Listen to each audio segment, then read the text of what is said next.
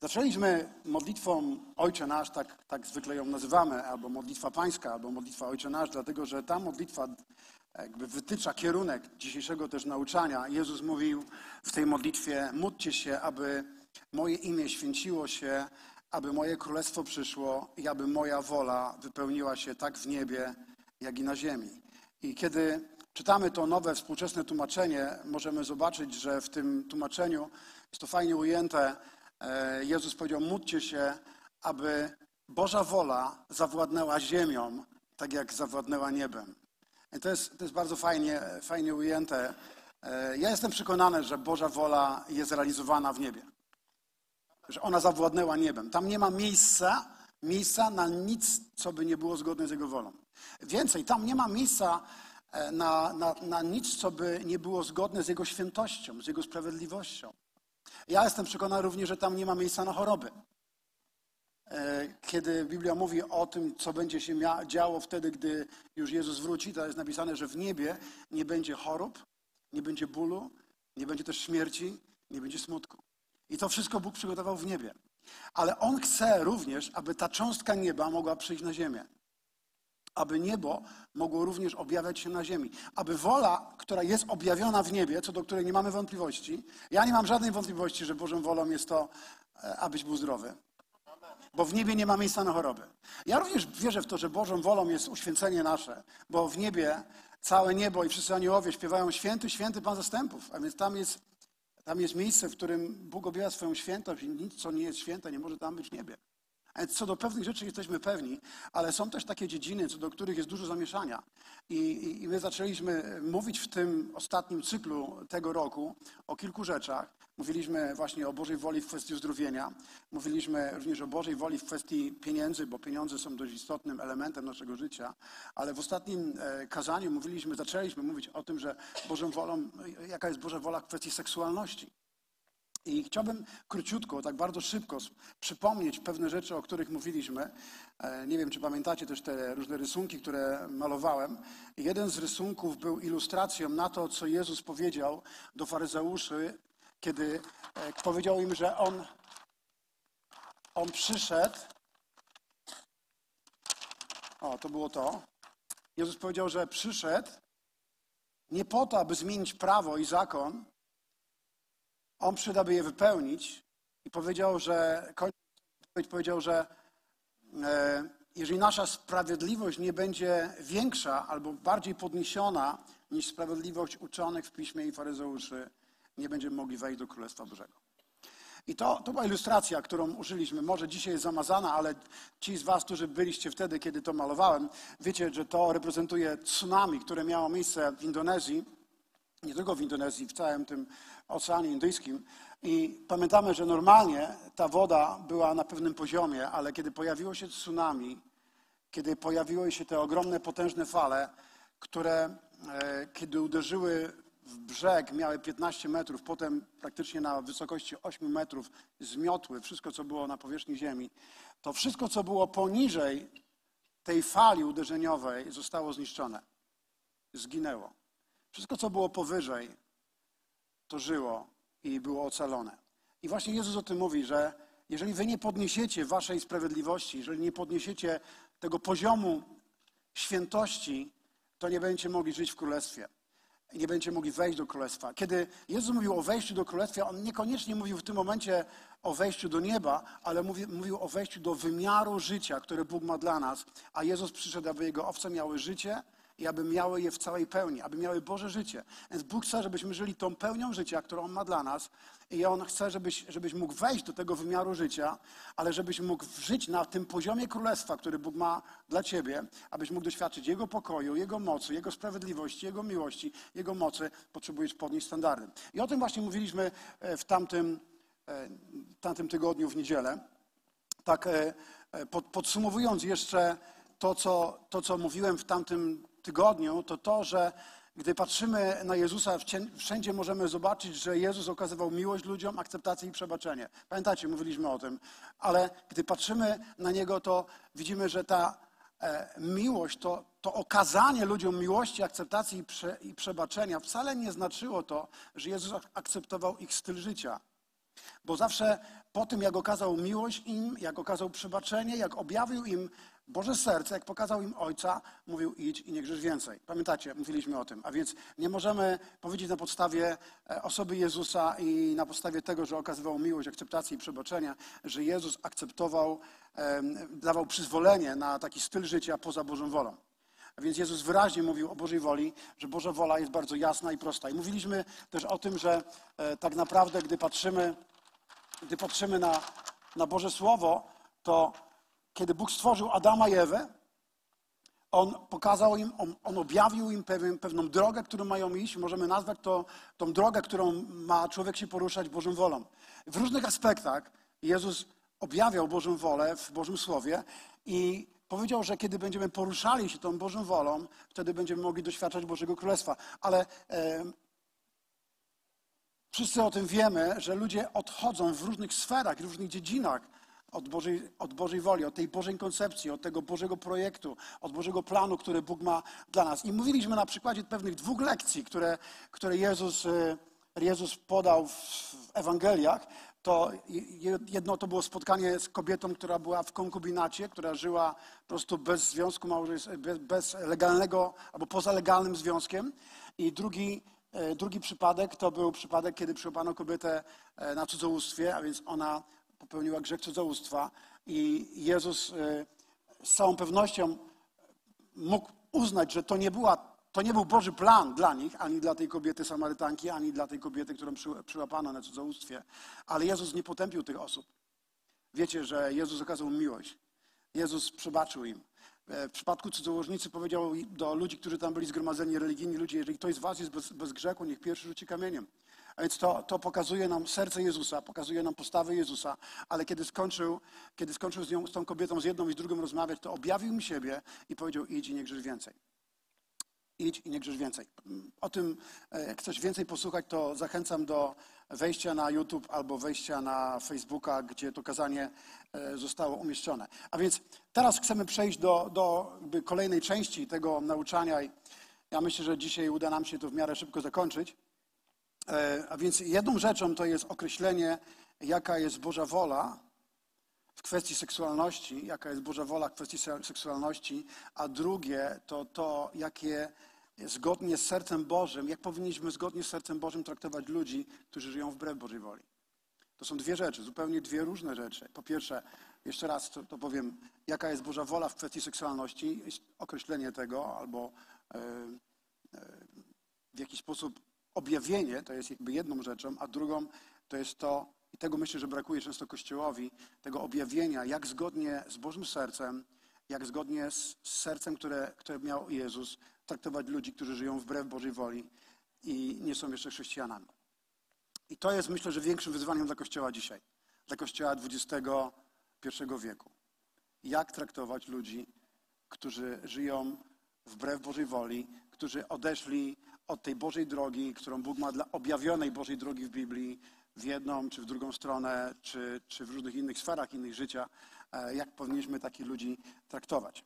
A więc, żebyśmy mogli to rozumieć, i o tym będziemy mówili, to będzie, można powiedzieć, dzisiaj chcemy skupić się na tej trzeciej lekcji. Ta trzecia lekcja będzie e, pokazywała pewne, e, będzie odpowiedzią na, na te dwa pytania, które, które już zadałem wcześniej i żebyśmy mogli na to dobrze odpowiedzieć, to potrzebujemy wrócić do tego fragmentu z listu do Efezjan. Nie wiem, czy pamiętacie, czytaliśmy go, Efezjan, piąty rozdział, werset 3-4. To był fragment, od którego w ogóle zaczynaliśmy nasze nauczanie. I tam w tym fragmencie apostoł Paweł mówi, i zwróćcie jeszcze raz uwagę na to, że Paweł kieruje to słowa do ludzi wierzących. Listy są skierowane do Kościoła. Listy apostoła Pawła, Piotra, Jana, Jakuba to są listy skierowane do Kościoła. I apostoł Paweł mówi do wierzących ludzi, do wierzących, do tych, którzy należą do Chrystusa. Natomiast nierząd, i tu występuje słowo greckie porneia, różnego rodzaju nieczystość lub chciwość, niech nawet nie będzie wspominana wśród was, to niegodne świętych, tak samo nieprzyzwoitość. Proszę zwróćcie uwagę, Jezus mówi, że pewne rzeczy, i tutaj Pierwsze na liście to jest porneia. Dzisiaj e, będziemy mówili dużo na temat tego słowa porneia. To jest bardzo ważne słowo w Grece. I Jezus mówi, e, przepraszam, nie Jezus, tylko apostoł Paweł mówi, e, ani nierząd, ani różnego rodzaju nieczystość nawet niech nie będzie wspominana wśród was. Mówi, to nie jest godne ludzi świętych. To nie jest godne tych, którzy są odkupieni przez moją krew. Innym miejscu, i też o tym mówiliśmy w tamtym tygodniu, to jest 1 Tesaloniczan, 4 rozdział 1-5 i tutaj chciałbym ten fragment jeszcze raz otworzyć. 1 Tesaloniczan, rozdział 4, wersety 1-5. I tu jest z kolei kolejny list Pawła, w którym porusza te kwestie związane z Porneja i mówi, mówi w ten sposób. W końcu bracia, siostry również, prosimy was i zachęcamy w Panu Jezusie, postępujcie zgodnie z zasadami, które wam przekazaliśmy. Takie postępowanie podoba się Bogu. Wy tak postępujecie, ale jeszcze bardziej w tym celujcie. Bo wiecie, jakie zalecenie poddaliśmy wam przez Pana Jezusa. Wolą Bożą jest wasze uświęcenie, powstrzym, powstrzymanie się od nierządu. I tu występuje też to słowo porneja. Powstrzymanie się od nierządu. Każdy z was powinien wiedzieć, w jaki sposób dbać o świętość i o godność swym, w swym pożyciu. Nie ulegać namiętności, tu jest napisane, nie ulegać namiętności jak poganie, którzy Boga nie poznali. Więc możemy widzieć, możemy zobaczyć jakby dwa, dwa takie obszary yy, i, i to, w jaki sposób Paweł pisze, to mówi o pewnym stylu życia, który dotyczy Królestwa Bożego i mówi, my musimy żyć inaczej niż ludzie żyją, którzy nie znają Pana. Mówi, jeżeli jesteśmy chrześcijan, chrześcijanami, to tutaj mówi, że naszą Bożą wolą dla nas jest uświęcenie, powstrzymywanie się od porneja, od nierządu. I każdy z nas powinien wiedzieć, w jaki sposób dbać o świętość, o godność w swym pożyciu. To znaczy, że kiedy jestem chrześcijaninem, mam żonę, to muszę wiedzieć, jak dbać o moje postępowanie, jak dbać o moją świętość, jak dbać o życie, które będzie podobało się Bogu. I, i myślę, że to jest coś, czego, czego my nie, nie wynosimy e, albo czego nie otrzymujemy wraz z nowonarodzeniem, takiej, takiej umiejętności. To jest coś, czego musimy się nauczyć. Czasami jest tak, że, że wychowaliśmy się w rodzinie, w której widzieliśmy pewne zasady, widzieliśmy, jak rodzice dbali o swoje postępowanie i ich życie było dla nas godne naśladowania, było dla nas przykładem. I wtedy jest dużo łatwiej. Ale, ale jeżeli ty na, nawróciłeś się w pewnym momencie i twoi rodzice byli nienawróceni, a więc nie mogłeś tego zobaczyć w domu, nie mogłeś często też zobaczyć wśród ludzi w kościele, i to jest coś, co, czego Bóg chce nas nauczyć. Chce, chce żebyśmy to odkryli. Chce, żebyśmy, żebyśmy pewne zasady wprowadzili do naszego chrześcijańskiego życia. A więc wolą Bożą jest wasze uświęcenie, powstrzymanie się od porneja. I każdy z was powinien wiedzieć, jak, w jaki sposób, w sposób dbać o świętość i o godność w swym życiu. Jak dbać o świętość w swoim pożyciu. I tutaj występuje znów to słowo, słowo pornea. Chciałbym, żebyśmy zobaczyli te, e, te słowo, na, jeżeli jest możliwość wyświetlić, to bym bardzo prosił.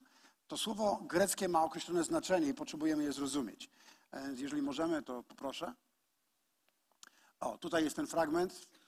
I tu mamy słowo porneia. Tak po grecku wygląda i jest to słowo tutaj tłumaczone jako sprzedać, oddać seksualną czystość jako swoboda seksualna każdego rodzaju, każdy rodzaj braku moralności seksualnej. Więc apostoł Paweł mówi tutaj do ludzi wierzących, jeszcze raz chcę podkreślić, to jest słowo skierowane do ludzi wierzących. On nie kieruje tych wskazówek do ludzi, którzy nie znają Boga. Bo ludzie, którzy nie znają Boga, którzy są na nowo nienarodzeni, nie są w stanie żyć według tych zasad. Czy ktoś z Was kiedyś łowił ryby? Czy ryby się czyści Wtedy, kiedy się już złowi, czy wtedy, kiedy one pływają jeszcze w morzu albo w jeziorze? To jest głupie pytanie. To jest logiczne. Nikt nie czyści ryby, kiedy ona jeszcze pływa w morzu. Rybę się czyści dopiero wtedy, kiedy już ją złowisz, masz ją w wódce. Już w wódce możesz ją czyścić. Zacząć, zacząć ją czyścić w wódce. Jest to absurdalne, że, że próbujemy, niektórzy próbują czyścić ludzi, zanim oni jeszcze się na nowo narodzili i oni jeszcze pływają w morzu tego świata. Jeszcze raz chcę, żebyście to uchwycili. Kiedy ja na nowo narodziłem się i przyjąłem Pana Jezusa, podszedł do mnie pewien człowiek, który poczuł ode mnie papierosy i powiedział, Tomasz, czy ty palisz papierosy? A ja wie, wiesz, no właśnie rzucam. Paliłem 20 wcześniej dziennie, a wtedy jak nawróciłem się już wiedziałem, że nie powinienem palić i zacząłem, próbowałem rzucić i doszedłem do dwóch, ale ciągle jeszcze walczyłem. I on wtedy mi powiedział, czy nie wiesz, że jesteś świątynią Bożego Ducha i Chrystus mieszka w tobie? I to naprawdę im pomogło.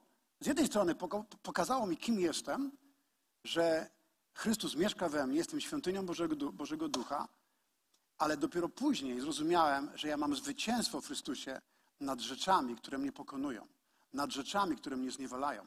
Można powiedzieć, dopóki Chrystus nie mieszkał we mnie i dopóki nie byłem świątynią Bożego Ducha, nie byłem w żaden sposób w stanie pokonać nałogu palenia. Ja potrzebowałem na nowo narodzić się i Duch Święty zamieszkał we mnie i wtedy otrzymałem łaskę, aby zwyciężyć. Jeżeli mówimy komuś, że ma zwyciężyć coś, co jest grzechem, coś, co jest nieczystością, coś, co go pokonuje, coś, czym jest zniewolony, a ta osoba jeszcze nie jest nowa narodzona, to tak jakbyśmy próbowali czyścić rybę, która jeszcze pływa w jeziorze. Albo próbowali czyścić rybę, która, która pływała w morzu. Tego się nie robi. Nie można tego po prostu zrobić. Nie da się tego po prostu zrobić.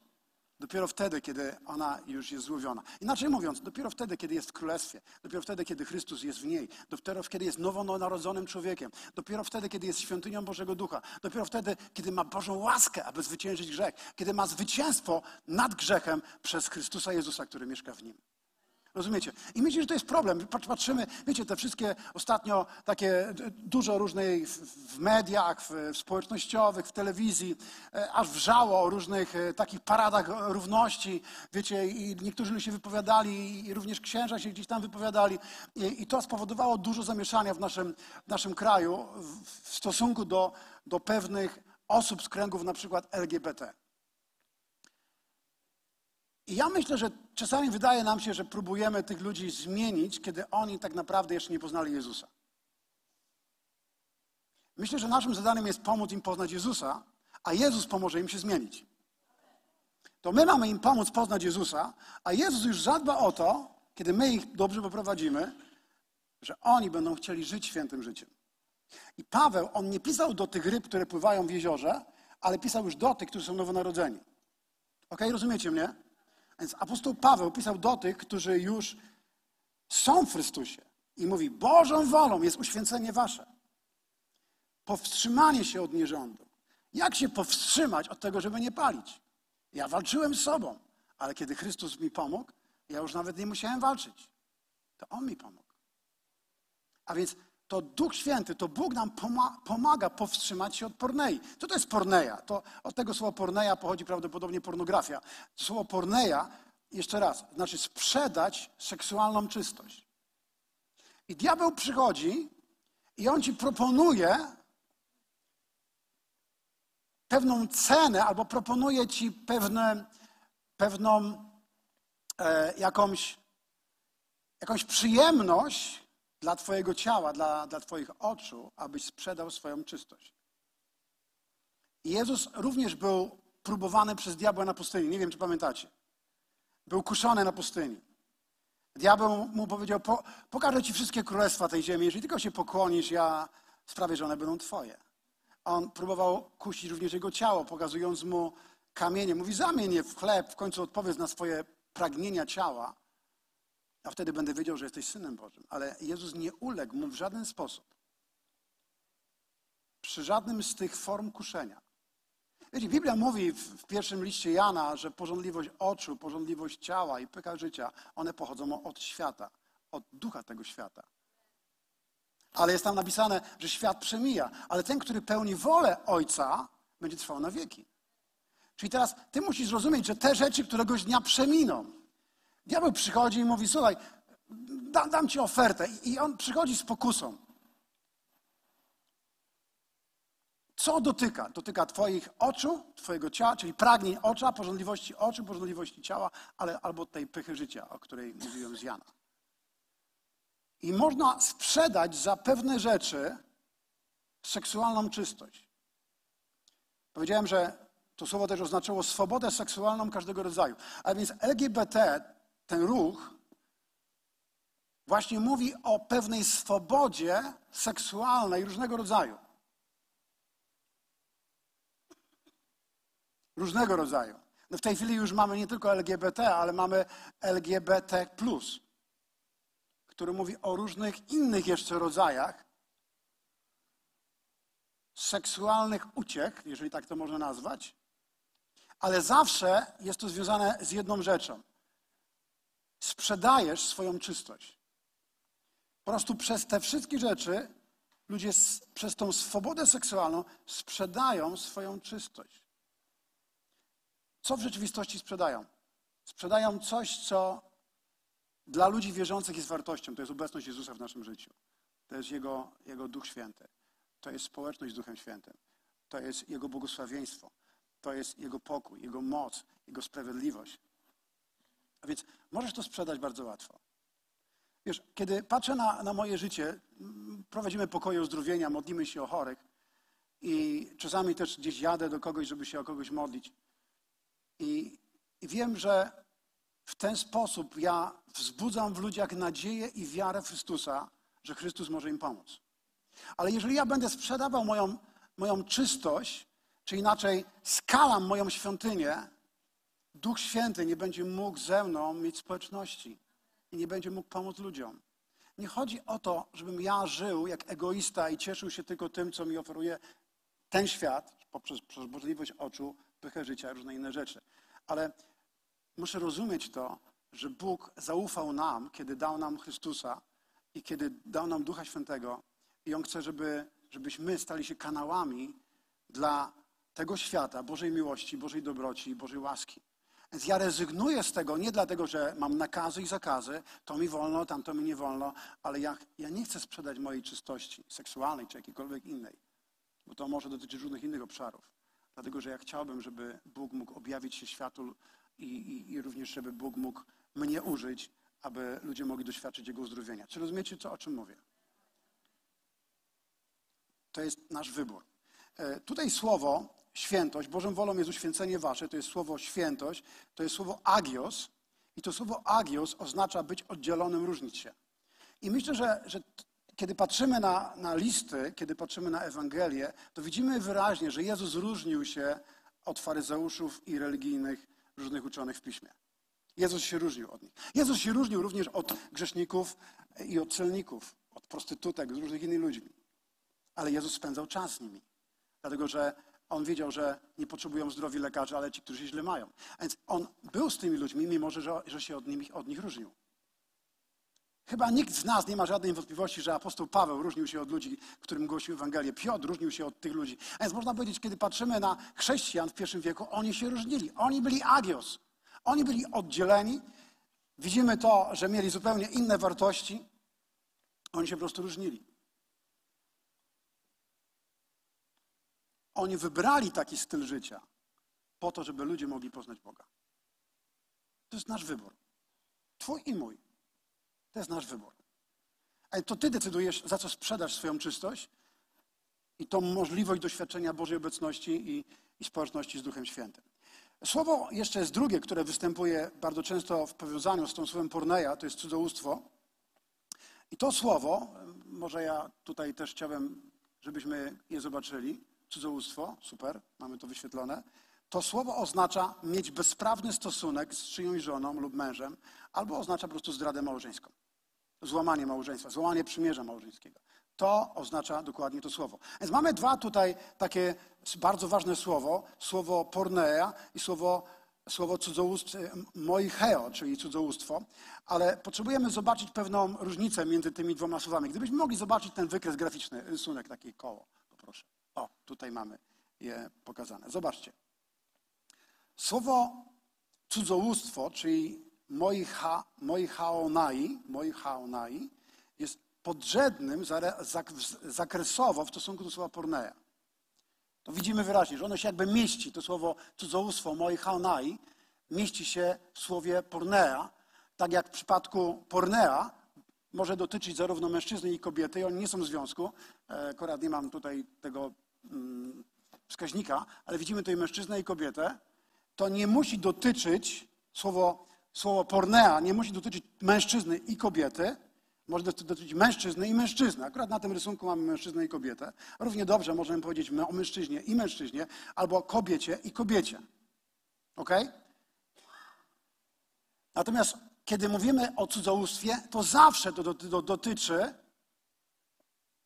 kogoś, kto jest w związku małżeńskim, kogoś, kto jest w przymierzu małżeńskim.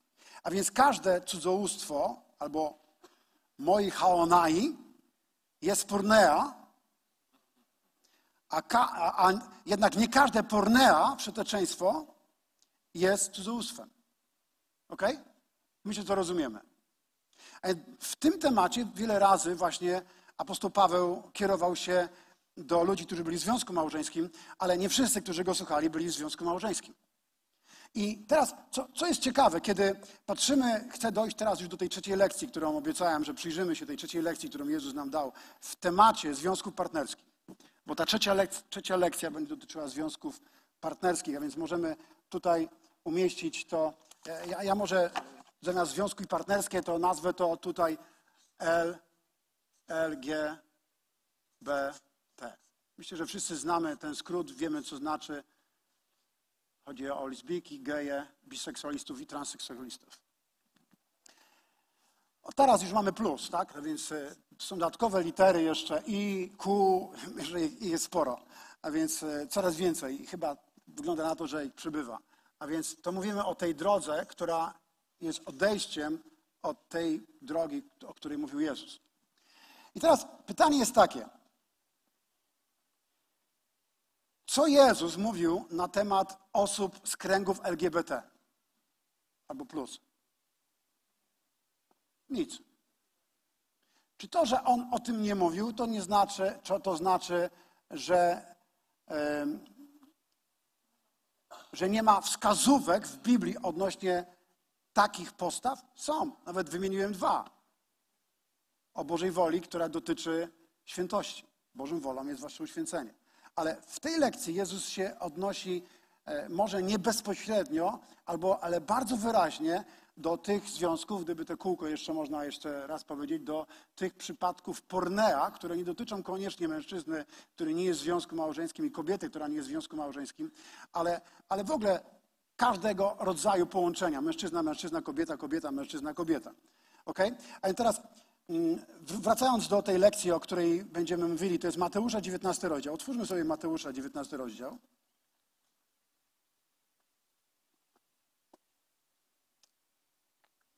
Będziemy czytali z tego 19 e, rozdziału kilka wersetów. Ale zwróćcie uwagę, że Jezus w swoim nauczaniu w zasadzie w żadnej z Ewangelii nigdzie nie odnosi się do kwestii homoseksualnych czy do kwestii gender, gdyż taki problem nie istniał w ogóle w społeczeństwie żydowskim. Musimy do tego podejść we właściwy sposób. Zobaczcie, ten problem nie istniał w społeczeństwie żydowskim. On jedynie dotyczył narodów pogańskich, ale tak jak wiecie, Jezus przyszedł do Żydów. On nie przyszedł do pogan, dopiero na koniec jego służby to poganie przychodzą po uzdrowienie. Greczynka przychodzi po uzdrowienie.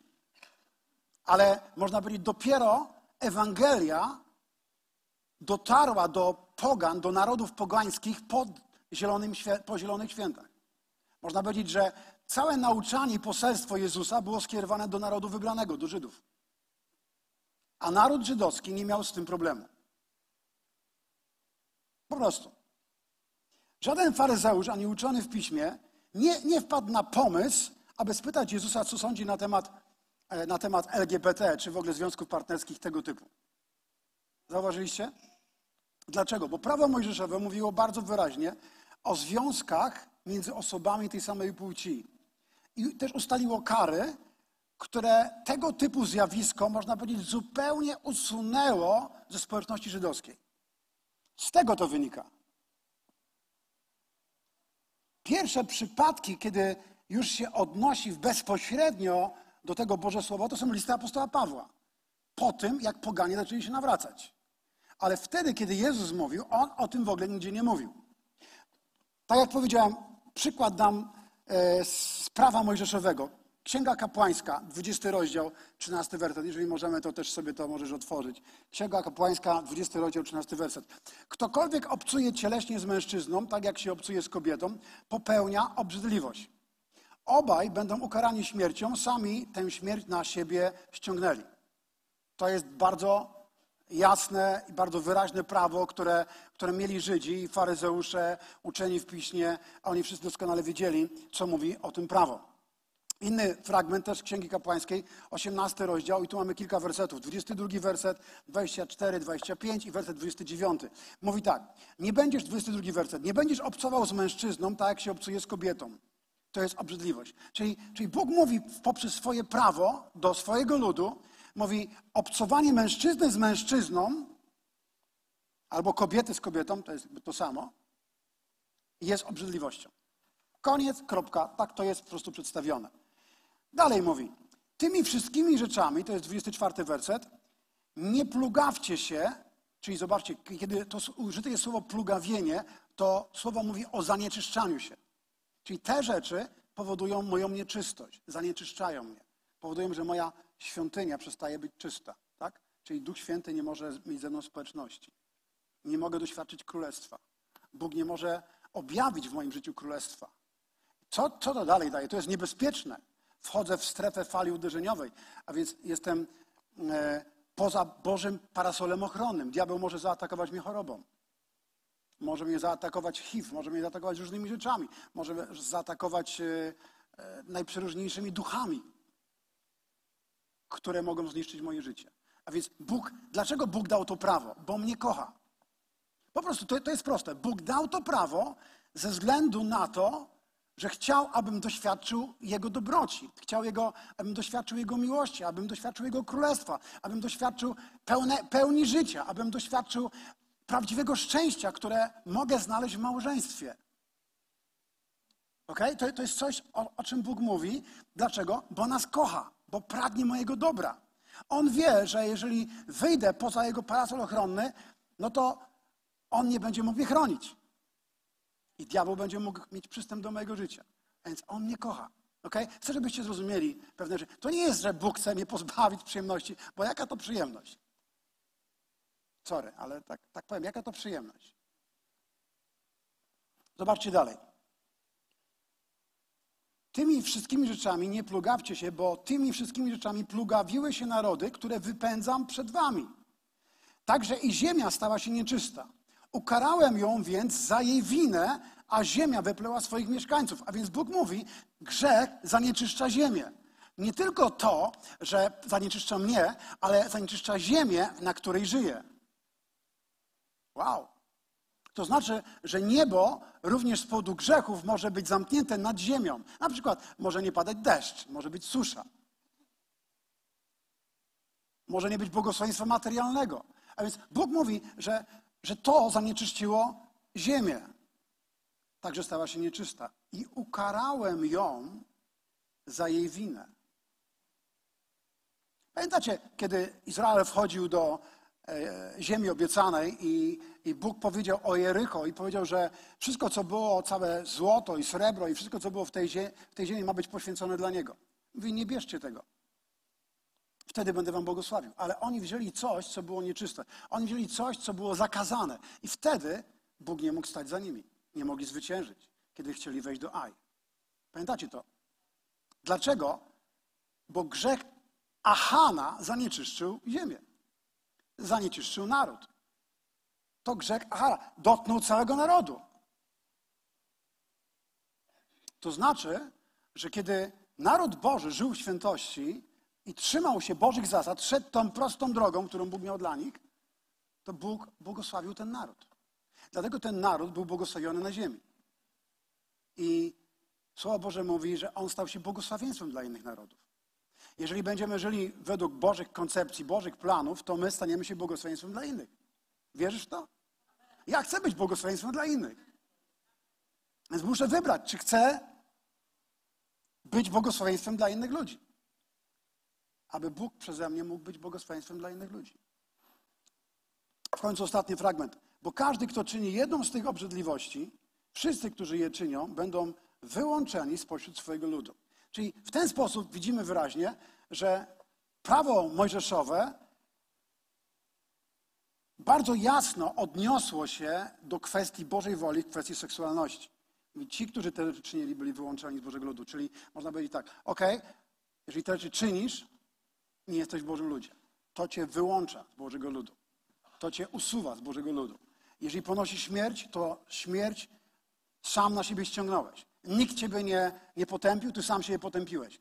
Nikt ciebie nie zabił, ty sam siebie zabiłeś. To jest twój wybór, tak? To było dokładnie to, o czym mówiło prawo. I, i dzisiaj, kiedy patrzymy na, na narody, można powiedzieć tak, że są pewne narody, w którym całe moje kazanie dzisiejsze byłoby nie na miejscu. Gdybym o tym mówił, to byłoby to w ogóle bez sensu, bo to nie jest problem w tych narodach. Dlaczego? Bo jest tam określone prawo. I to prawo jakby załatwiło kwestię. Ale w naszym kraju to już staje się w pewnym momencie już problemem. Zauważyliście, że to coś takiego jakby pojawiło się w Polsce? Przynajmniej w ostatnim roku, 2019. Obecnie szacuje się, że na świecie jest około 2% osób zaliczanych do kręgów LGBT. Około 2%. Jedni mówią 1%, inni mówią do maksymalnie do 3%. A więc ludzi, którzy e, można zaliczyć do tego kręgu LGBT i ich sytuacja w poszczególnych krajach wygląda bardzo różnie. Na przykład w 24 krajach świata mogą zawrzeć ma związek małżeński. 24. Natomiast w 73 homoseksualizm jest nielegalny, a 7 krajów za kontakty homoseksualne kara śmiercią. Więc w siedmiu krajach grozi kara śmierci za kontakty homoseksualne. I, I, w takich krajach w zasadzie nie byłoby sensu mówić o, o, o tym problemie. To jest Sudan, Somalia, Mauretania, Nigeria, Iran, Jemen, Arabia Saudyjska. W tych krajach jest kara śmierci. I dokładnie Jezus mówił do krajów, których można by zalecić do tej siódemki. On mówił do Żydów, których karano karą śmierci. A więc tak naprawdę nie poruszał w ogóle nigdy tej kwestii, bo to nie było kwestią. Rozumiecie, o czym mówię? To dotyczyło pogańskich narodów. A dlatego też, można powiedzieć, nie mamy bezpośredniego nauczania Jezusa, który by odnosił się do tego odejścia od Bożej woli, do tej odnogi, ale mamy jedną historię, w której Jezus o tym wspomina nie bezpośrednio. I to jest Mateusz 19 rozdział. Zobaczmy ten fragment. Mateusz 19 rozdział. Od trzeciego wersetu. Przybyli również faryzeusze, chcąc go wystawić na próbę, zapytali, czy wolno mężowi rozwieść się z żoną z każdego powodu? A, odpowiedział, a on odpowiedział, czy nie czytaliście, że Stwórca od początku stworzył człowieka jako mężczyznę i kobietę?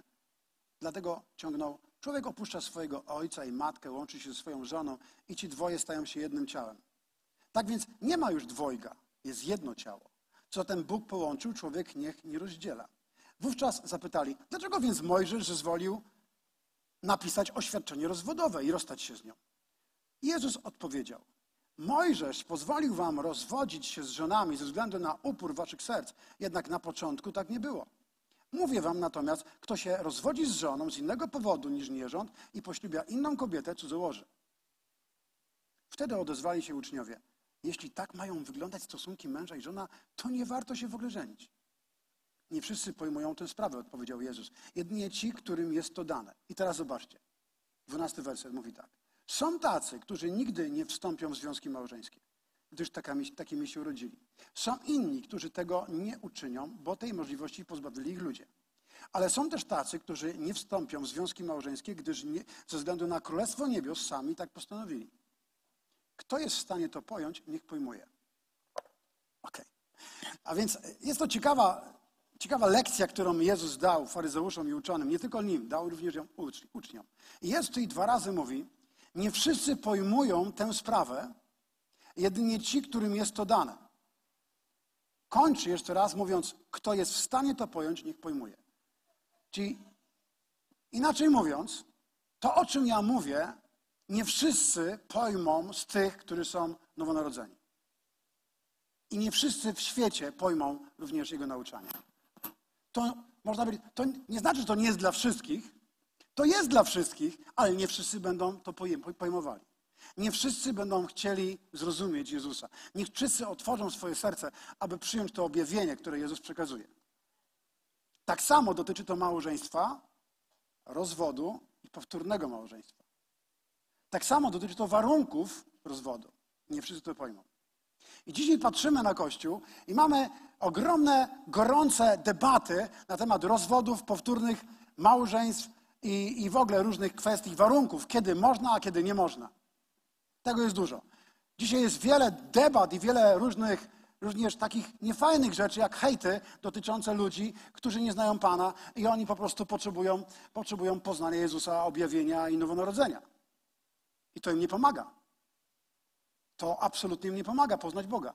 Nie pomaga im poznać Bożego serca. To ich zamyka na chrześcijaństwo. To ich popycha do jeszcze różnych, różnych innych nauk i religii. A więc mamy dzisiaj taki czas, w którym żyjemy i myślę, że można śmiało powiedzieć, że żyjemy w trudnych czasach. To nie są łatwe czasy. I Jezus wiedział, że nie wszyscy pojmą to, co On mówił. A więc zacznijmy od tych rzeczy, które są dla nas łatwiejsze do pojęcia, czyli kwestia e, pytania, które zadali faryzeusze. E, przychodzą do Jezusa i pytają, czy wolno mężowi rozwieść się z żoną z każdego powodu? Skąd się w ogóle takie pytanie wzięło?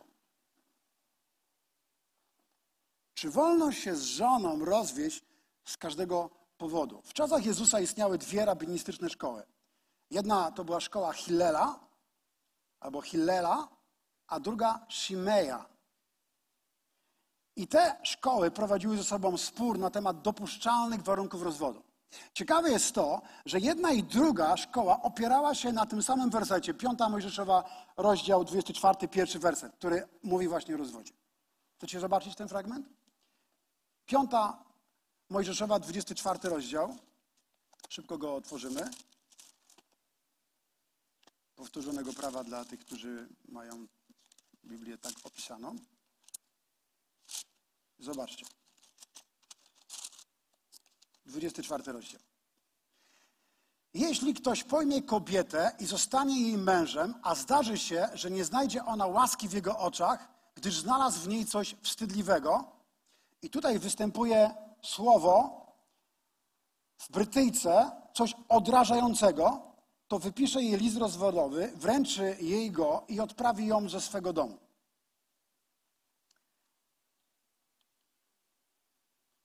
Ona zaś opuści jego dom i odejdzie. A jeśli wyjdzie za mąż powtórnie i jej następny mąż też ją znienawidzi, wypisze jej list rozwodowy, wręczy go jej i odprawi ją ze swojego domu. To znaczy, że w prawie mojżeszowym, jeśli mężczyzna dał list rozwodowy, czyli były warunki, które pozwalały na taki list rozwodowy, to kobieta, która była odprawiona, mogła ponownie wyjść za mąż legalnie, to było zgodne z prawem. Prawo dawało jej takie, taką możliwość.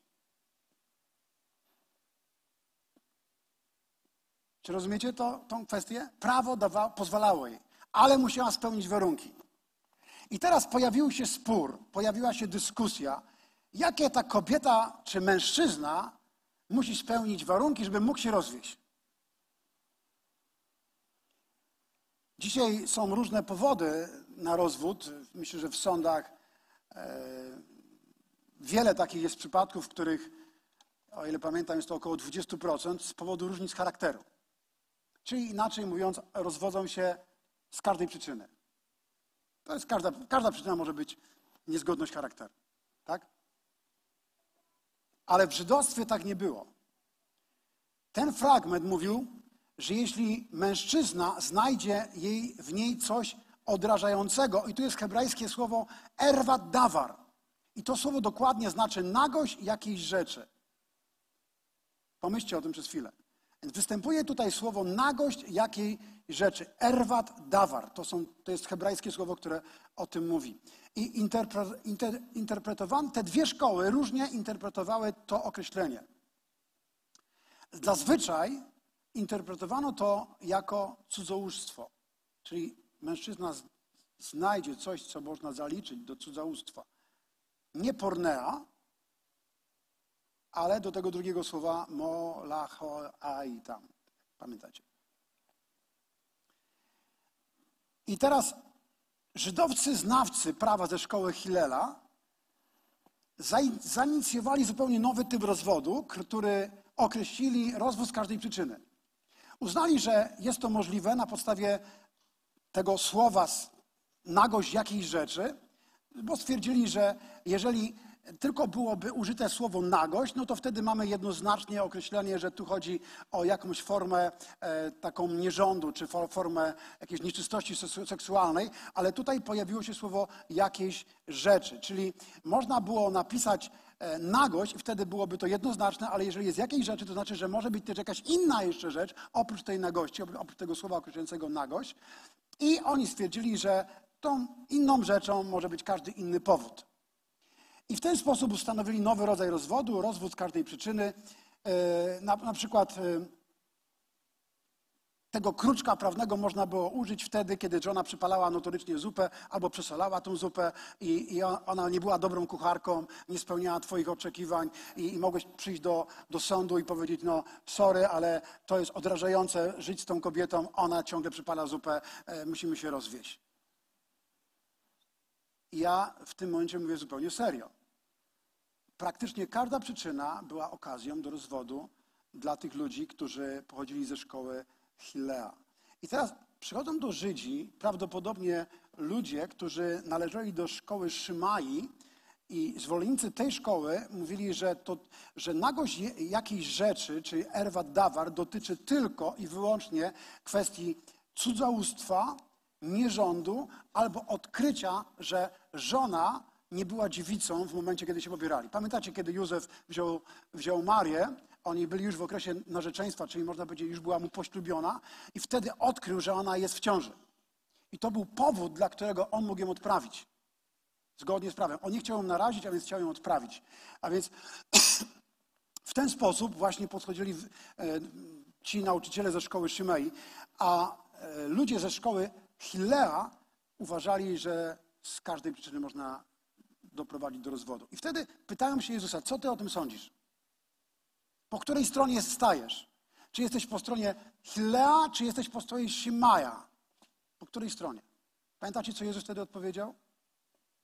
Czy nie czytaliście, że Stwórca od początku stworzył człowieka jako mężczyznę i kobietę? Dlatego ciągnął, człowiek opuszcza swojego ojca i matkę, łączy się ze swoją żoną i ci dwoje stają się jednym ciałem. A więc Jezus odpowiadając tutaj na te pytania faryzeuszów, on się tak naprawdę nie odnosi ani do jednej do strony, ani do drugiej strony. On mówi tutaj wyraźnie, jaki był Boży plan na samym początku. Stwórca od początku stworzył człowieka jako mężczyznę i kobietę, a więc w Bożym planie małżeństwo, to jest jakby pierwszy sygnał, który mamy od Jezusa. W małżeństwo w Bożym planie dotyczyło tylko i wyłącznie dwóch osób przeciwnej płci. Jezus tutaj mówi o Bożej woli. Tak było na początku. Bóg stworzył Adama i Ewę. Oni mają opuścić ojca i matkę, złączyć się w przymierzu i wtedy stają się jednym ciałem. A więc to jest dokładnie droga, którą, o której mówi Jezus. Mówi, to jest Boża wola, to jest Boży projekt. Tak Stwórca stworzył Adama i Ewę. A więc tutaj mamy jakby wyraźną wskazówkę od Jezusa, jaka była Boża wola w kwestii, w kwestii tej relacji. I co Jezus tutaj mówi jeszcze odnośnie tego pytania, jakby w jaki sposób się odnosi do tego pytania? Mówi, wie, mówi tak. Tak więc nie ma już dwojga. Jeżeli są małżeństwem, Bóg nie patrzy na nich jako Adama i Ewę, na jako dwojga. Bóg patrzy na nich jako na jedno. Oni są związani przyjężem. Kiedy my łączymy się z Jezusem, Biblia mówi się, kto się łączy z Panem, jest Nim jednym duchem. Bóg patrzy na mnie i na Jezusa jako na jedność. Teraz, co się dzieje, jeżeli ja bym poszedł, wyjechał gdzieś na jakąś delegację i przespałbym się z jakąś prostytutką? Bóg patrzy na mnie i na moją żonę, że jesteśmy jednym ciałem, że jesteśmy w przymierzu. Wtedy, wchodząc w relację seksualną z jakąś kobietą, jestem połączony jeszcze z kolejną osobą, już jest trzy osoby. Bóg nigdy nie powiedział, że mogę mieć relację z trzema osobami. I w tym przypadku Bóg nie może być tym, który jest trzecim, trzecią nicią w sznurze. On nie może być częścią tego przymierza i on nie może błogosławić tego przymierza z powodu tego, że zostało skalane, że zostało zanieczyszczone. Wtedy Bóg oddziela się od takiego związku. Czy rozumiecie, co, co ja chcę powiedzieć przez to? A więc tutaj w tym fragmencie Jezus mówi, w ogóle, mówi chłopaki, o czym w ogóle wy mówicie? To jest tylko jedna koncepcja. Mówi, co zatem Bóg połączył, człowiek niech nie rozdziela. I wtedy zadali mu pytanie, dlaczego więc Mojżesz zezwolił napisać oświadczenie rozwodowe i rozstać się z nią? I wtedy Jezus odpowiedział, Mojżesz pozwolił wam roz, rozwodzić się z żonami ze względu na upór waszych serc. Jednak na początku tak nie było. I w żydostwie były trzy takie warunki rozwodu. I to było również warunek tego, aby małżeństwo mogło trwać. To była wierność, to była troska materialna i to zaspokojenie potrzeb emocjonalnych. Wierność, troska materialna i również troska emocjonalna, bo zaspokojenie potrzeb emocjonalnych. To związane było z miłością i również ze współżyciem. Jeśli te, któryś z tych trzech warunków był łamany, Żydzi dawali przyzwolenie na, e, na rozwód. Wtedy ta kobieta czy mężczyzna mógł ponownie wyjść za mąż. Tutaj Jezus podnosi poprzeczkę i mówi wyraźnie w Bożym Słowie tylko o jednym przypadku. Mówię wam natomiast, kto się rozwodzi z żoną z innego powodu niż porneja. Z innego powodu niż porneja i poślubia inną kobietę, cudzołoży. To znaczy, że według prawa można było dać rozwód z kilku powodów, a Jezus mówi, jest tylko jeden powód, który powoduje, że możesz się rozwieść z tą, z tą kobietą. Bo przez pornę wtedy to małżeństwo, to przymierze jest skalane. I wtedy Jezus dawał przyzwolenie. A więc Jezus w ten, w ten sposób odpowiedział na to pytanie faryzeuszy, czy, e, czy wolno mężowi rozwieść się z żoną z każdego powodu. Nie, nie wolno. Jest tylko jeden powód. To była pornea, z którego można było się rozwieść. Powód, który, który jakby niszczył tą relację przymierza. A więc, żeby już dalej jakby nie ciągnąć tego tematu, ale jeszcze przez chwileczkę chcę się odnieść do tego, co zacząłem na samym początku. Zobaczcie, Jezus tutaj mówi o, kończy tą historię, mówiąc, że są tacy, którzy nigdy nie wstąpią w związki małżeńskie, gdyż takimi się urodzili. Są inni, którzy tego nie uczynią, bo tej możliwości pozbawili ich ludzie. To znaczy w tych czasach Jezusa e, słudzy, niewolnicy często byli pozbywani e, zdolności e, seksualnych, czyli zdolności płodzenia, przez to, że stawali się eunuchami. I mówi jeszcze, jest trzecia grupa, która nie wejdzie w związek małżeński, to są ci, którzy rezygnują ze wstąpienia w związki małżeńskie ze względu na Królestwo Niebios. Oni sami tak postanowili. Inaczej mówiąc, są to ludzie, którzy wiedzą, że mają dar łaski od Boga, aby żyć w celibacie. I również w tym przypadku widzimy, że e, Kościół odszedł od pewnej koncepcji. Nie ludzie sami decydują, tylko ktoś za nich decyduje. Natomiast tutaj jest wyraźnie napisane, że to są ludzie, Jezus powiedział, to są osoby, które same decydują dla królestwa ze względu na to, że są misjonarzami, apostołami, że są powołani do takiej służby i mają łaskę celibatu. Natomiast jeżeli to ktoś narzuca, a ktoś nie ma łaski celibatu, do czego to prowadzi? Do walki. I do tego, że ta osoba nie ma łaski, aby żyć samemu i ona będzie popchnięta do pornei. Czy widzicie tutaj to wyraźnie? Paweł pisze do, do, do, do Tymoteusza, jeżeli ktoś o biskupstwo się ubiega, pięknej pracy pragnie, człowiek taki powinien być mężem jednej żony i dobrze wychowywać swoje dzieci, trzymać ich w posłuszeństwie, bo kto nie umie własnym domem dobrze zarządzać, jakże będzie mógł być na pieczy Kościół Boży. To znaczy, że wymagano od tych, którzy będą przywódcami Kościoła, że będą mieli żonę i będą mieli dzieci. I będą wychowywali te dzieci w sposób Boży. Więc pewne, widzimy, jak, jak na przestrzeni wieków Kościół i ludzie zaczęli odchodzić od pewnych Bożych dróg i Bożych koncepcji i o Bożej woli. I teraz ktoś może powiedzieć, że w tym kręgu ludzi LGBT są osoby, które takie się urodziły. Tu, gdybyśmy chcieli wejść głębiej, to musielibyśmy tutaj powiedzieć o tym, że wśród y, akurat osób z tego kręgu LGBT mamy osoby, które mówią o dwóch rodzajach płci.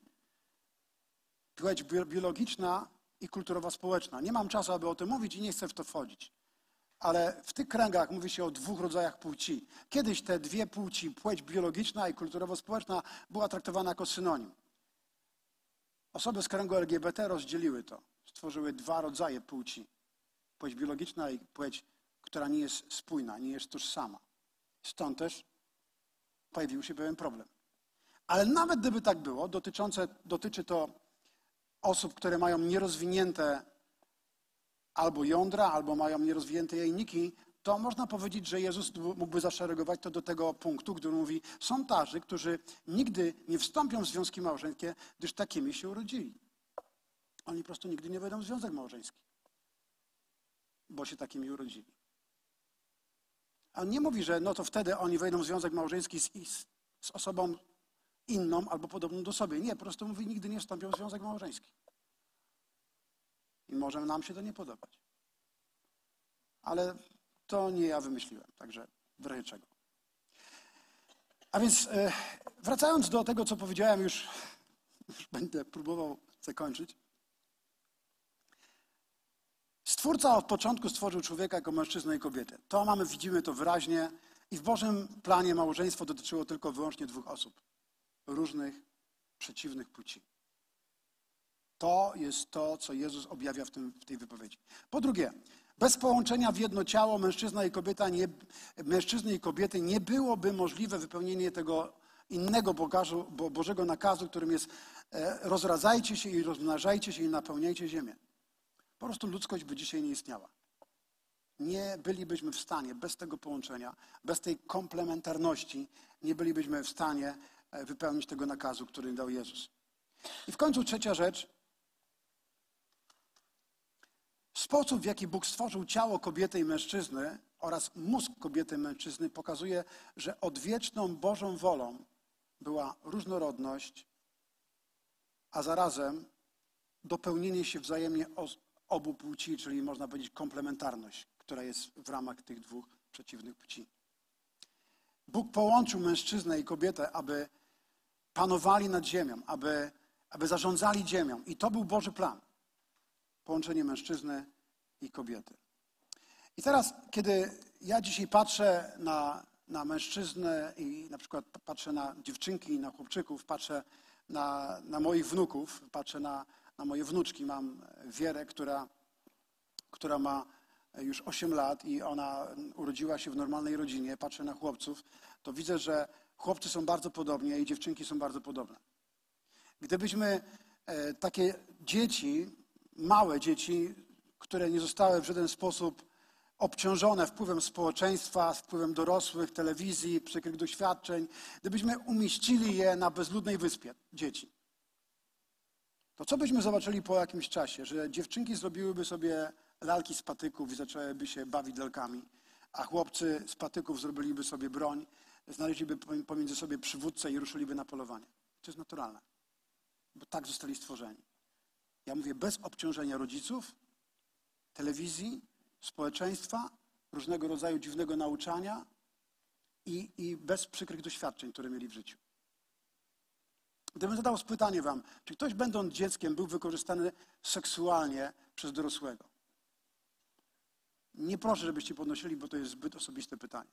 Ale jestem przekonany, że osoba, która została w taki sposób doświadczona albo wykorzystana, wpłynęło to na jej psychikę i na jej sposób pojmowania płci i na jej sposób funkcjonowania w społeczeństwie. Gdy dzieci są zdrowe, tak jak moje wnuki są zdrowe, to ich mózg i ich ciało jest stworzone, aby byli dziewczynkami lub chłopcami. I tak funkcjonowali. A więc dzisiaj, kiedy mówimy o dwóch płciach, czyli biologicznej i kulturowo-społecznej, tak naprawdę to mówimy o czymś, co w naturalny sposób nigdy nie było rozdzielone. Było to synonimem. Płeć społeczno-kulturowa i płeć biologiczna była jedna. Ale czasy, w którym żyjemy i to, co się dzieje i w jaki sposób się rozwija świat, doprowadziło do tego, że ktoś to rozdzielił.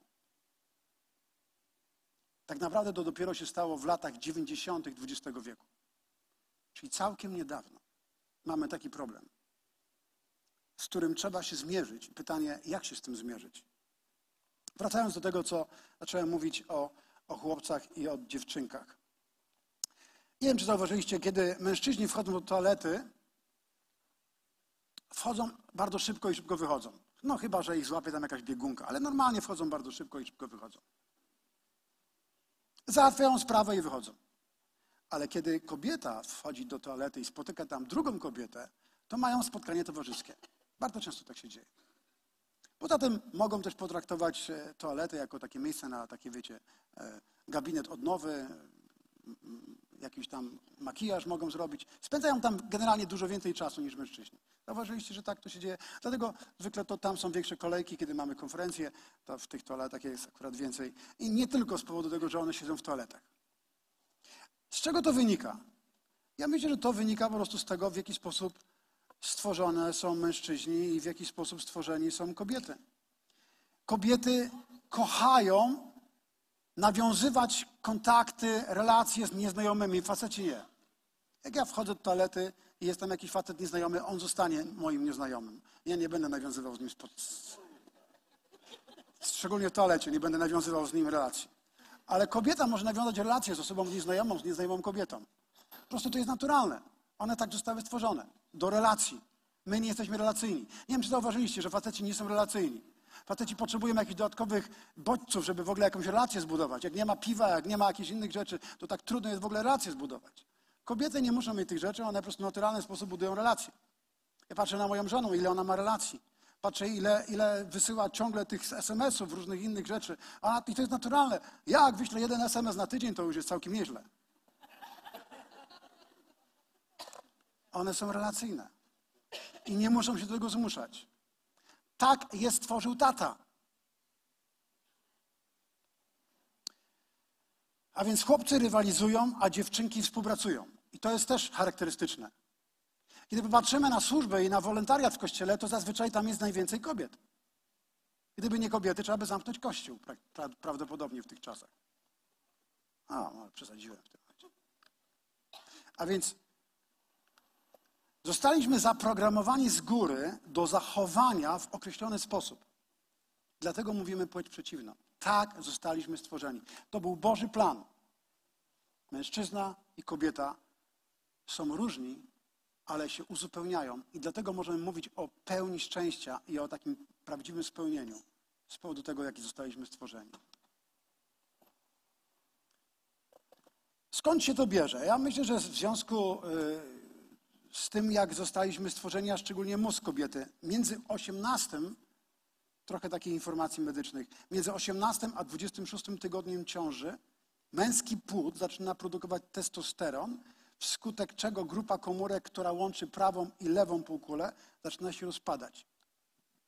Wszyscy, którzy są neurologiem, się interesują, to wiedzą, że tak się dzieje. A więc testosteron spowoduje, że to połączenie między lewą a prawą półkulą jest zaburzone i ta komunikacja między lewą a prawą półkulą jest słabsza u mężczyzn niż u kobiet. Lewa strona mózgu odpowiada za rozumowanie, a prawa półkula za emocje, uczucia, wrażenia estetyczne i relacje społeczne. I jako, że to się rozpada na pewnym etapie między 18 a, 20, a 26 tygodniem, to większość mężczyzn, około 80% mężczyzn, to lewopółkolowce. Oni nie mają połączenia tych dwóch półkul, mają bardzo słabe połączenia. A więc w zasadzie ta jedna półkula, ta lewa półkula, ona odpowiada za logiczne rozumowanie, za logiczne myślenie i oni są tacy bardzo logiczni, bardzo rozumowi. A kobiety, one łączą to wszystko jedno, jedną półkulę z drugą. Łączą emocje, relacje z logicznym. One nie, ja nie chciałem powiedzieć, żeby ktoś nie powiedział, że one nie myślą, nie rozumują logicznie. Ale one oprócz tego rozumowania logicznego jeszcze mają uczucia, my albo to, albo to. Często nie możemy tego razem połączyć. Rozumiecie, co, co chcę przez to powiedzieć? E, na, na przykładzie mnie i mojej żony. Zrobiliśmy ostatnio remont u nas w domu. Tak, w domu robiliśmy remont. Znaczy ja robiłem, a moja żona mówiła, jak to ma wyglądać wszystko. To też wynika z tego, jak jesteśmy stworzeni. Mamy mięśnie inaczej zbudowane niż kobiety. One nie będą nosiły ciężkich rzeczy, to my musimy nosić te wszystkie rzeczy. Ale one mają taki mięsień bardzo dobrze wyrobiony tutaj, ta część. O, tak, pokazują tu, o, tutaj. Ten, ten mięsień absolutnie mają kobiety dużo lepsze. Wiecie, o czym mówię. Tutaj te mięśnie palców, szczególnie wskazującego. Wskazujący mięsień jest najbardziej rozwinięty u kobiet. A więc one w tym są dobre. I kiedy, kiedy już to wszystko zrobiliśmy, okazało się, że nasza kuchnia no nie, nie, nie wyszła zbyt duża, nie dało się ścian jakoś tak bardziej e, rozszerzyć, przesunąć. No i zrobiliśmy taki sobie bufet. Chcieliśmy mieć taki bufet, gdzie można byłoby coś zjeść. No i moja żona e, stwierdziła, że trzeba kupić cztery hokery, żeby tam postawić przy tym bufecie, bo jak przyjedzie, przyjedzie Kinga, jak przyjedzie Sara, albo Wieruszka do nas przyjedzie, to, o, to będziemy sobie tam siedzieli, dziadek będzie gotował e, tam obiad, tak, a my sobie będziemy tam siedzieli i będziemy sobie rozmawiali. Albo w ogóle ludzie będą sobie siedzieli, jak przychodzą do nas na grupę, to wtedy możemy sobie tam siedzieć. Ja mówię, Asiu, to jest bez sensu. Zobacz, ta kuchnia jest tak mała, mamy taki mały bufet. Tutaj się na, maksymalnie dwa hokery zmie, zmieszczą. To, to się nie zmieszczą cztery, to nie ma szans, e, to się zmieszczą dwa. Ale zobaczcie myślenie. Moje myślenie logiczne. Po prostu jest zbyt mało miejsca. To, to nie jest miejsce, żeby tutaj siedzieć. Można sobie posiedzieć gdzie indziej. A tu jest miejsce, żeby gotować, a i potem wynocha i jeść gdzie indziej zupełnie. A tutaj tylko tak, tylko dwie osoby. Ale, ale moja żona zupełnie mówiła, kierowała się czymś innym. Ona kierowała się relacjami. My, a ona mówi, ja chcę mieć relacje z osobami, a, ja, a mnie nie interesują tam relacje w kuchni, mnie interesuje, jak się to wszystko gotuje i żeby to, to szybko, bo moja lewa półkula mówi, że to trzeba ugotować, a potem dopiero jeść i mieć relacje. Ale u kobiety to się jedno łączy z drugim półkulem, że teraz mamy relacje i razem gotujemy. Jak będziesz gotowała i będziesz miała relacje, to przypalisz to wszystko. Nie da się tego łączyć, ale, ale moja żona potrafi to łączyć. Ja, ja tego nie potrafię to łączyć. Ja, ja muszę się na jednej rzeczy skupić, a ona potrafi to wszystko ładnie łączyć. No i co? Któregoś dnia przychodzę, patrzę, cztery hokery stoją. Ja mówię, po co nam te hokery? Sprzedaj te dwie, te dwa. Oddaj je do kastoramy, bo to z kastoramy. Oddaj to. A ale to co, pozłożymy tak jedno na drugie i jak będziemy mieli wtedy e, gości, to wtedy będziemy wyciągali. Ja mówię tak, założę się, że nawet raz w roku tego nie wyciągniesz. Ale to moja legiczna półkula mówi a jej półkula mówi to inaczej. Czyli daję tylko przykład, jak, w jaki sposób mężczyźni funkcjonują, w jaki sposób faceci funkcjonują, a jak e, kobiety. E, myślę, że każdy z nas rozumie to, że na przykład kobiety lubią analizować, co się stało i dlaczego się stało. Czasami jedziemy gdzieś i coś tam się wydarzy. Ja już w drodze powrotnej zapomniałem, co się wydarzyło. A Asia będzie to analizowała przez kilka dni. To, a dlaczego tak? A, a, a po co? A mogłeś tak inaczej? A ja, ja po prostu, ja już zapomniałem w ogóle, że tam coś się wydarzyło. Skupiony jestem na celu. Moja lewa półkula funkcjonuje. A, a, a, on, a tutaj u niej połączyły, pojawiło się uczucia, logiczne rozumowanie, analiza matematyczna, analiza biochemiczna, a analiza przyrodnicza, analiza społeczna, psychiczna, psychiatryczna, nie wiem, jakakolwiek inna. Wszystko to razem gdzieś tam musi połączyć i dopiero wtedy mówi, o, teraz ja powiem ci, dlaczego to się stało. A ja nie wiem w ogóle, co się stało. Ja już jestem w innym miejscu. I tak mają kobiety. Jeśli dwie kobiety by razem żyły, Bóg wiedział, że to nie jest dobry plan. Bóg wiedział, że nie był to dobry plan. Gdyby dwóch facetów żyło, nie mieliby krzeseł żadnych w ogóle. Na pustyni musieliby mieszkać i z kijami latać za dzikami po prostu. Ich świat nie byłby ładny. Nie wierzę w takie koncepcje. Jedyna najlepsza koncepcja to jest ta. I Bóg wiedział, że w ten sposób będziemy bardziej szczęśliwi. Więc to wszystko, ta koncepcja Boża sprawia, że stajemy się jednym ciałem w małżeństwie, możemy zrobić więcej, dojść dalej i lepiej żyć sobą, jeżeli potrafimy odkryć Boży plan. I myślę, że to na tyle wystarczy. Amen. Chciałem, żebyśmy podziękowali Bogu za kobiety i za mężczyzn, i za Boży plan, i za to, że On jest dobry. Aleluja. Ojcze w niebie, dziękujemy Ci, dziękujemy Ci, Panie, że Ty masz dobry plan dla każdego z nas. Panie powiedzieli, że myśli Twoje to nie myśli nasze. I drogi Twoje to nie drogi nasze. Panie, Ty powiedziałeś, że jak niebo jest wyższe od ziemi, tak Twoje drogi i Twoje myśli są lepsze niż myśli nasze. Panie, dziękujemy Ci za Twój doskonały plan. Panie, modlimy się, Boże, abyśmy nauczyli się żyć w tym planie, tak abyśmy mogli objawiać światu Ciebie i Twoją dobroć i Twoje królestwo. Panie, wiem, że temat, który ruszyliśmy i o którym mówiliśmy, nie wszyscy zrozumieją. Nie wszyscy też go zaakceptują. Niech wszyscy się na to zgodzą. I nie wszyscy to przyjmą. Ale modlę się, abyś przez swego Ducha Świętego objawił Kościołowi Twój plan. Abyś objawił to, co jest w Twoim sercu. Nasze uświęcenie, nasza świętość i ta bliskość z Tobą, Ojcze. Panie, modlę się o to, Boże aby każda osoba, która jest tutaj, mogła znaleźć radość i szczęście w życiu w Twojej woli. Aby każda osoba, która jest na tym miejscu i która tego słuchała, aby mogła znaleźć, Panie, pełnię życia w Twojej woli. O to się modlę dzisiaj w imieniu Chrystusa Jezusa.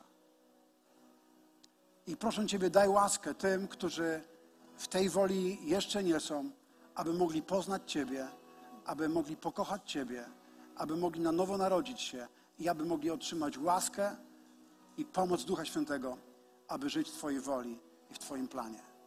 O to się dzisiaj modlę w imieniu Chrystusa Jezusa. Wszyscy powiedzieli? Amen. Amen.